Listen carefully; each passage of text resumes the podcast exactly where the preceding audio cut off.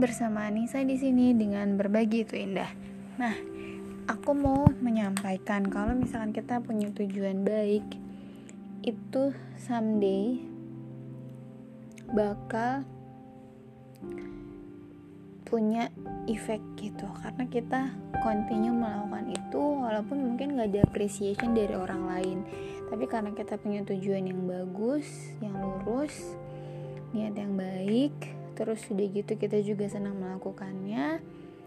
Dan it, kita konsisten melakukannya suatu saat itu bakal menjadi sesuatu. Ya aku percaya itu dan aku bakal buktiin contohnya dari uh, podcast ini. Mungkin someday akan menjadi sesuatu yang aku nggak tahu gitu kan karena yaitu pertama dari tujuan dan karena aku juga tidak terbebani mengerjakannya karena aku suka sehingga itu yang memudahkan aku menjadi konsisten mengerjakannya. Walaupun mungkin nggak tahu deh ya ada yang dengerin atau enggak gitu loh bahasa kasarnya. Aku mulai buat podcast ini Juli 2019 nanti kita lihat ke depannya seperti apa ya drama kehidupan ke depan seperti apa? Ya walaupun nggak tahu lah aku ada yang dengerin atau enggak gitu kan atau bisa mempengaruhi kebaikan baik kebaikan banyak orang atau enggak yang nggak tahu gitu. Tapi yang aku tahu ya ini adalah mungkin salah satu cara yang bisa aku lakukan untuk aplikasiin dari doa-doa yang pernah aku panjatkan. Dan ya itu tantangannya kan percaya pada hal-hal yang itu belum terlihat. Kita yang buktiin sih bukan aku tapi yang bakal buktiin semuanya adalah waktu atas izin Allah gitu kalau misalkan mungkin tujuan aku nggak kuat dan aku pun nggak begitu senang untuk mengerjakannya mungkin aku bakal berhenti ngapain sih aku podcast? gitu kan mengerjakan hal ini tuh belum real juga kok uh, impactnya. Itu mungkin ada tapi ya karena ini kesenangan aja terkesan tersendiri untuk berbagi ya aku nggak tahu sebenarnya yang aku bagikan ini siapa yang menangkap gitu. Dan entahlah ini bermanfaat atau tidak tapi sebisa mungkin aku berhak sebisa mungkin aku membagikan hal yang bisa bermanfaat untuk kehidupan kehidupan banyak orang. Selanjutnya yang akan dibahas adalah ah uh, so sorry aku lupa beneran. Wait for a moment. Oh iya. Sebenarnya sih ini udah sedikit dibahas juga masalah solve problem. Kemarin ya aku nganterin mamahku periksa ke fasilitas kesehatan tingkat pertama. Menggunakan BPJS dan tahu gak sih itu di tensi aja enggak tahu kalau apa ya seharusnya kan kalau setahu aku protapnya itu kan pendaftaran terus udah gitu ditensi sebelum ke dokter Kemudian dokter akan mengetahui tensinya normal atau enggak atau tinggi atau enggak.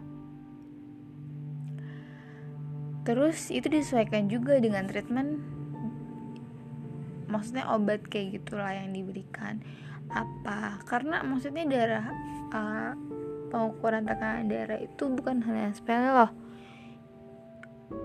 Itu tuh ya kita tahu prevalensinya berdasarkan proporsinya berdas di riskesdas aja itu yang pengukuran sama yang tak sudah terdiagnosa jauh beda banget kan? Karena dia emang silent killer orang yang merasakannya pun kadang itu nggak tahu kalau dia tuh hipertensi. Tapi itu dampak dari hipertensi itu itu banyak gitu loh. Kadang aku greget sih ngelihat hal itu gitu. Yang ya mungkin pasiennya banyak mungkin ya karena fase tingkat tingkat pelayanan fasilitas pelayanan tingkat pertama. Tapi kan ya seharusnya di, mengikuti sesuai protapnya dong gitu kan. Tapi ya lagi-lagi itu adalah problem yang ada.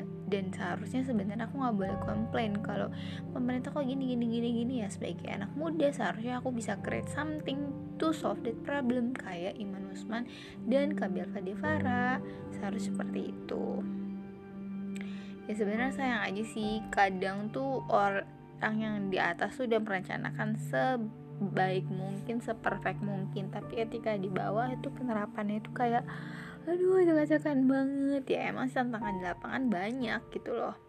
Kalau udah aplikasi itu udah udah ya tantangan lah. Tapi kenapa ya aku tuh kadang some someday aku kayak mikir uh, kalau yang pemerintah punya tuh kayak gini kalau yang swasta punya tuh kayak gini gitu. Tapi kayak etos kerjanya di swasta tuh lebih tinggi daripada di pemerintah. Apakah mungkin mungkin ya kalau di pemerintahnya tuh kayak nggak dipecat gitu loh. Jadi paling juga mutasi. Tapi kan kalau di swasta tuh kayak ya kalau kerja lo nggak bener ya lo bisa dipecat gitu tapi kalau misalkan kayak di pemerintahan itu kayak sekedar ya udah penting gue kerja. Kesannya loh ya ini cuma kesan aku aja dari ya siapa aku juga kan cuma pandangan aku aja. Ya tapi disayangkan aja gitu loh karena uh, para pemikir tuh misalkan kayak udah memikirkan banyak hal dan meneliti banyak hal untuk make decision gitu kan policy yang bakal diambil kayak contoh kecilnya nih ketika kita membuat policy itu kan kita harus based on evidence kan. Dan based on evidence itu data. Dan salah satu data yang misalkan mungkin bisa untuk make evidence make policy itu kayak data kalau di uh, Riskesdas surat kesehatan dasar nasional ya. Terus SDKI survei demografi kesehatan Indonesia untuk made untuk make policy in health gitu. Tapi tuh dan banyak juga penelitian yang dilakukan berdasarkan data-data yang ada itu kan. Tapi uh, terus make decision intinya make decision. Udah make decision make policy. Tapi tuh ya gitu aku miris banget sih lihat di lapangan tuh kayak gimana. Karena sebagai contoh aja nih banyak uh, yang meneliti tentang kualitas ANC dengan banyak hal entah itu kematian neonatus kemudian ada juga yang meneliti tentang kualitas ANC laktasi dengan keberhasilan ASI eksklusif dan lain sebagainya. Dan hasilnya itu ya ternyata emang ANC itu intinya ya yang aku ambil garis besarnya adalah ANC itu penting. Bukan hanya dari frekuensi dan sebenarnya frekuensinya itu bukan empat. Kenapa kita tuh menstandarkan empat itu karena ada pertimbangan pembiayaan juga yang seharusnya di cover gitu. Dan aku denger juga itu bakal ditingkatin menjadi minimal 8 itu baru dari segi frekuensi loh belum dari segi kualitas. Dan yang paling penting itu adalah kualitasnya bukan kuantitasnya. Kadang aku tuh suka greget gitu loh. Ya tapi greget seharusnya aku made something. Itu yang belum aku lakuin. Tapi ya baru aku pikirin baru aku pikirin ya kan ya ya aku nggak boleh judgmental diri aku juga. Aku mencoba untuk bersahabat dengan diri aku. Aku mau appreciate kalau aku udah notice that it is the problem. Itu aja udah langkah besar langkah awal lah. Kalau kita nggak tahu problemnya apa ya kita mau kerja sesuatu juga nggak bisa. Kembali lagi pasti mungkin aku bakal menyangkutkan pada Iman Usman, Bapak Devara, ruang guru dan lain sebagainya. Karena itu ya mereka notice masalah-masalah pendidikan di Indonesia yang quality low of the quality of the teacher it can make a low quality of education in Indonesia dan low of resources that Indonesia have infrastruktur yang kenapa sih ini berkaitan infrastruktur sama pendidikan juga? Karena kan ya tahu sendiri persebaran Indonesia banyak pulaunya banyak eh, daerah-daerah gitu loh. Jadi kan itu penting juga. Menurut aku sih. Menurut aku. Dan kembali lagi ya ke ANC kan ANC itu ada temu wicara juga. Temu wicara ya. Temu wicara ya. 10 T itu loh. Salah satunya itu kan kayak hmm, memberikan edukasi aku tuh kemarin ya lihat sekilas. Aku juga nggak tahu sih ini hanyalah persepsi aku. Jadi kayak ada ibu hamil yang periksa gitu tapi bidan tuh kayak nggak ngejelasin gitu loh. Di buku KIA nya kan ada kan buku KIA itu tuh kayak cuma ngelipat ngelipetin buku tersebut yang harus dan yang kemudian uh, ibu itu harus baca buku yang dilipet-lipetin itu. Ya tapi kan memang kayak gitu ya gitu loh. Kayaknya tuh sedih aja sih miris. Aku pernah punya impian. Ya punya impian. Eh membicarakan tentang impian uh, ada kata-kata yang menarik sih. Di bukunya masih belajar Iman Usman. Untuk orang-orang yang nggak mau banyak du yang nggak mau banyak usaha nggak mau banyak melakukan hal gitu nggak usah dia banyak bermimpi kayak gitu. Kalau uh, mimpimu banyak mimpimu tinggi ya berarti usaha dan usahamu juga harus tinggi banyak gitu loh. Harus signifikan dengan apa yang kamu mimpikan. Kalau kamu nggak mau melakukan banyak hal ya udah nggak usah mimpi gitu. Dan itu dan itu menurut aku kata sederhana tapi mm, ya emang realistisnya kayak gitu kan. Terus juga ya hidup tuh nggak usah pakai banyak drama. Yang aku baca Q&A di Instagramnya Iman Usman yang kayak gimana sih cara move on dan kita bisa mencapai cita-cita kita? Itu tuh pakai caps lock semua tulisannya dan beberapa kali nulis hal yang sama kayak gitu. Terus di situ kak Isman kak Iman Usman jawabnya hidup tuh nggak usah banyak drama gitu. Dan emang sih bener banget terus kembali lagi ke ANC oh iya ke mimpi aku ya. Aku tuh uh, ya karena hal yang seperti itu jadi aku aku juga pernah di lapangan gitu kan di puskesmas kemudian di poli rumah sakit di poli kebidanan di puskesmas di bidan praktek swasta atau BPS praktek bidan praktek mandiri gitu. Dan emang sejauh ini yang aku lihat kualitas ANC itu masih masih belum bagus. Kayak sekadar ya udah periksa hamil udah beres gitu loh. Kayak nggak ada seharusnya tuh kan di, di dalamnya tuh ada education loh untuk untuk kehamilan dia gitu loh. Kan karena kehamilan itu menurut aku penting harus dipersiapin sebelum baiknya tuh sebelum kehamilan itu sendiri dipersiapin ya ya itu loh salah satu apa ya salah satu ge, uh, manusia akan tercipta gitu. Dan itu harus the best. Untuk memasakan manusia yang the best ya kita juga harus mengusahakan mengusahakan sesuatu yang the best. Kita tahu apa yang do sama don't-nya gitu apa yang harus dilakukan dan apa yang tidak boleh dilakukan. Kayak gitu. Yang iya aku tuh ngeliat kayak gitu aja maksudnya uh, periksa itu cuma ya udah periksa hamil. Kayak kayak periksa. Jadi tuh kayak nggak ada kepuasan dari si pasiennya gitu loh. Nggak dapat pasien tuh nggak dapat apa-apa. Cuma dapat diperiksa doang. Dan kembali ke mimpi aku yang pernah yang tadi aku bilang um, aku nggak tahu sih nggak tahu ya aku jalan ke depan kayak gimana. Ya aku masih banyak maunya yang sebenarnya aku pengen uh, kayak buat buat klinik atau rumah sakit atau gimana ya yang itu tuh dia memberikan pelayanan yang benar-benar holistik dan memberikan kepuasan gitu loh. Yang quality controlnya mutunya gitu-gitu itu selalu terkontrol.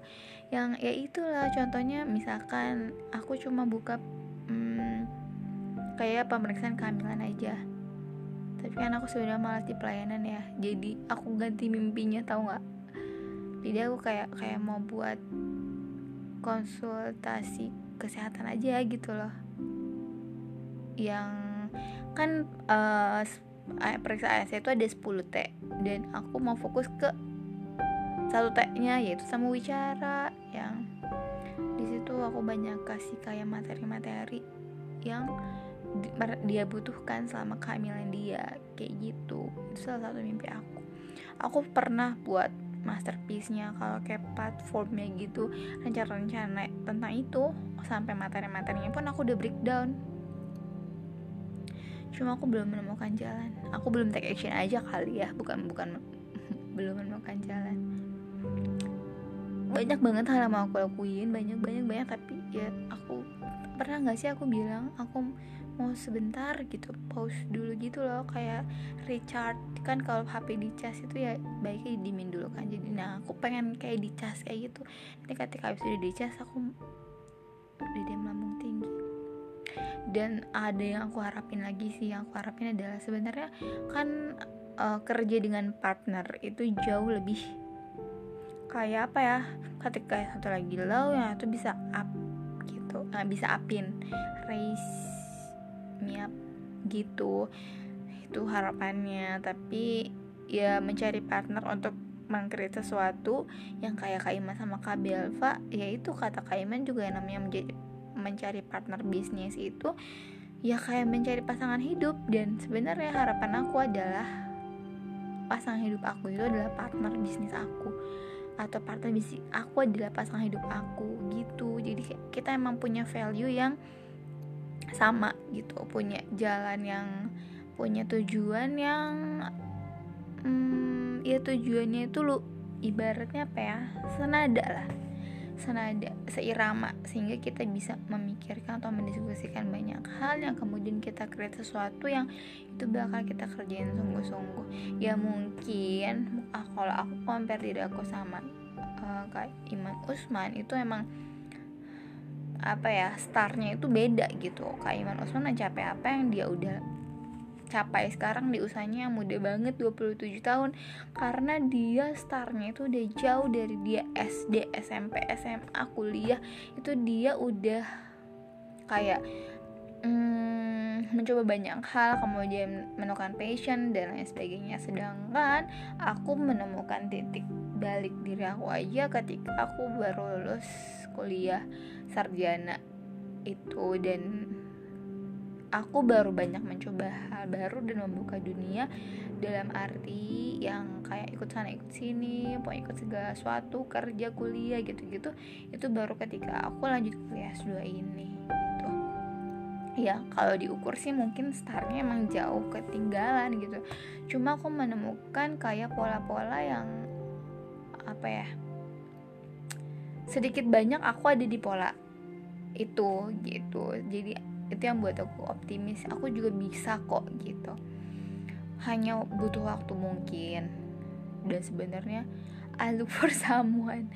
Iya, someone yang kayak bisa jadi partner bisnis aku dan partner hidup aku juga dengan value-value kita yang senada. Ya, kalau dari interestnya aku sih karena background aku emang ada kesehatan, tapi interest aku aku interested in education ya di dua bidang itu is not bad gitu.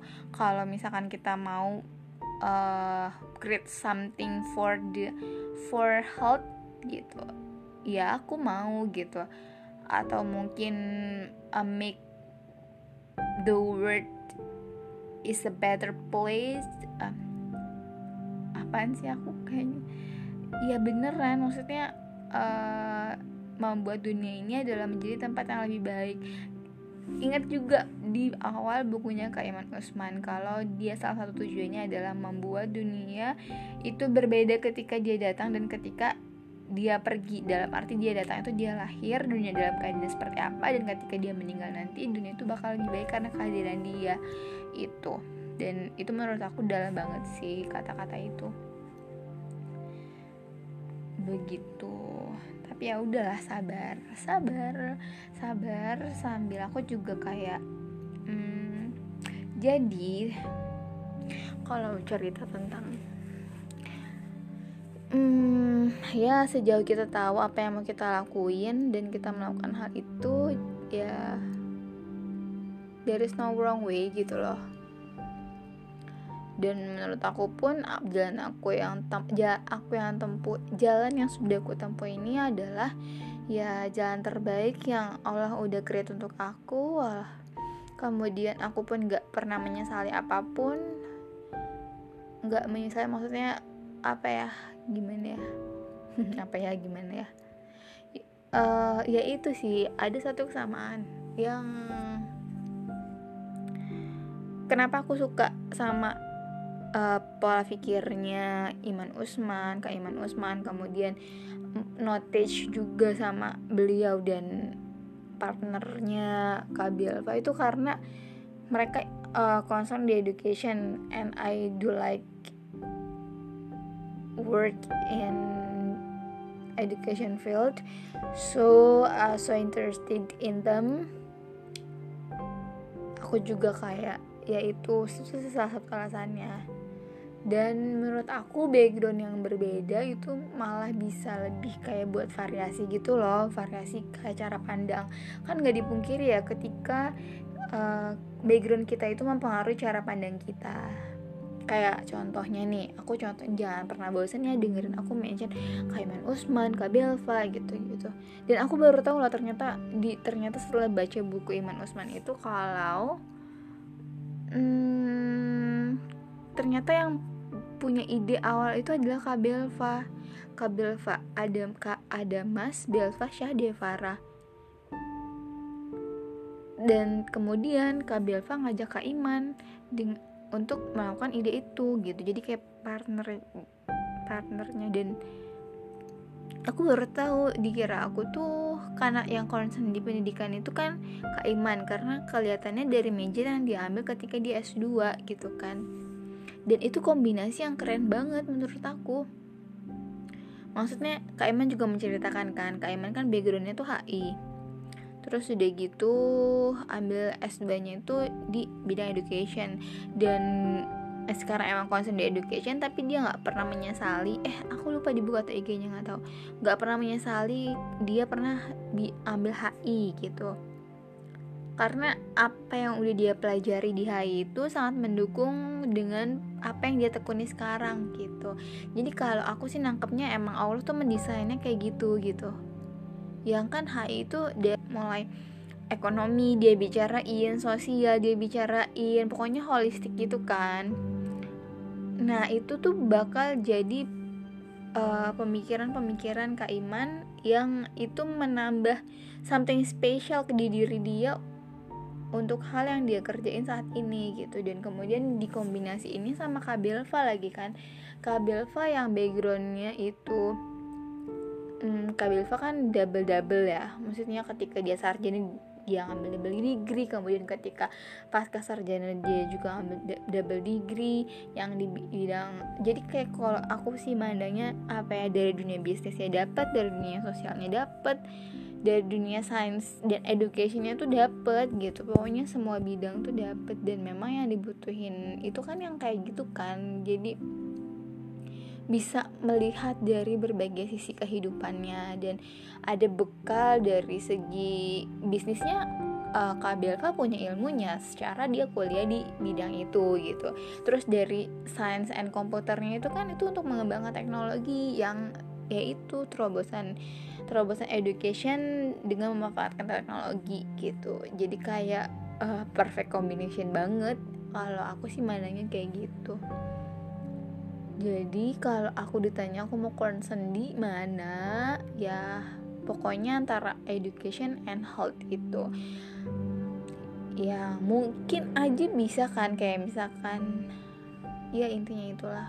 Karena ya aku backgroundnya kesehatan ya sedikit banyak aku mengetahui tentang kesehatan gitu. Karena aku interested in education ya aku kayak senang aja mempelajari hal itu. Bukan menjadi suatu beban untuk mempelajari itu tapi suatu kayak yang kurios gitu. Itu. Udah wah ini lama banget loh 24 menit. Oke okay, thank you for listening. Thank you for listening me. Well semoga bermanfaat. Bye bye assalamualaikum warahmatullahi wabarakatuh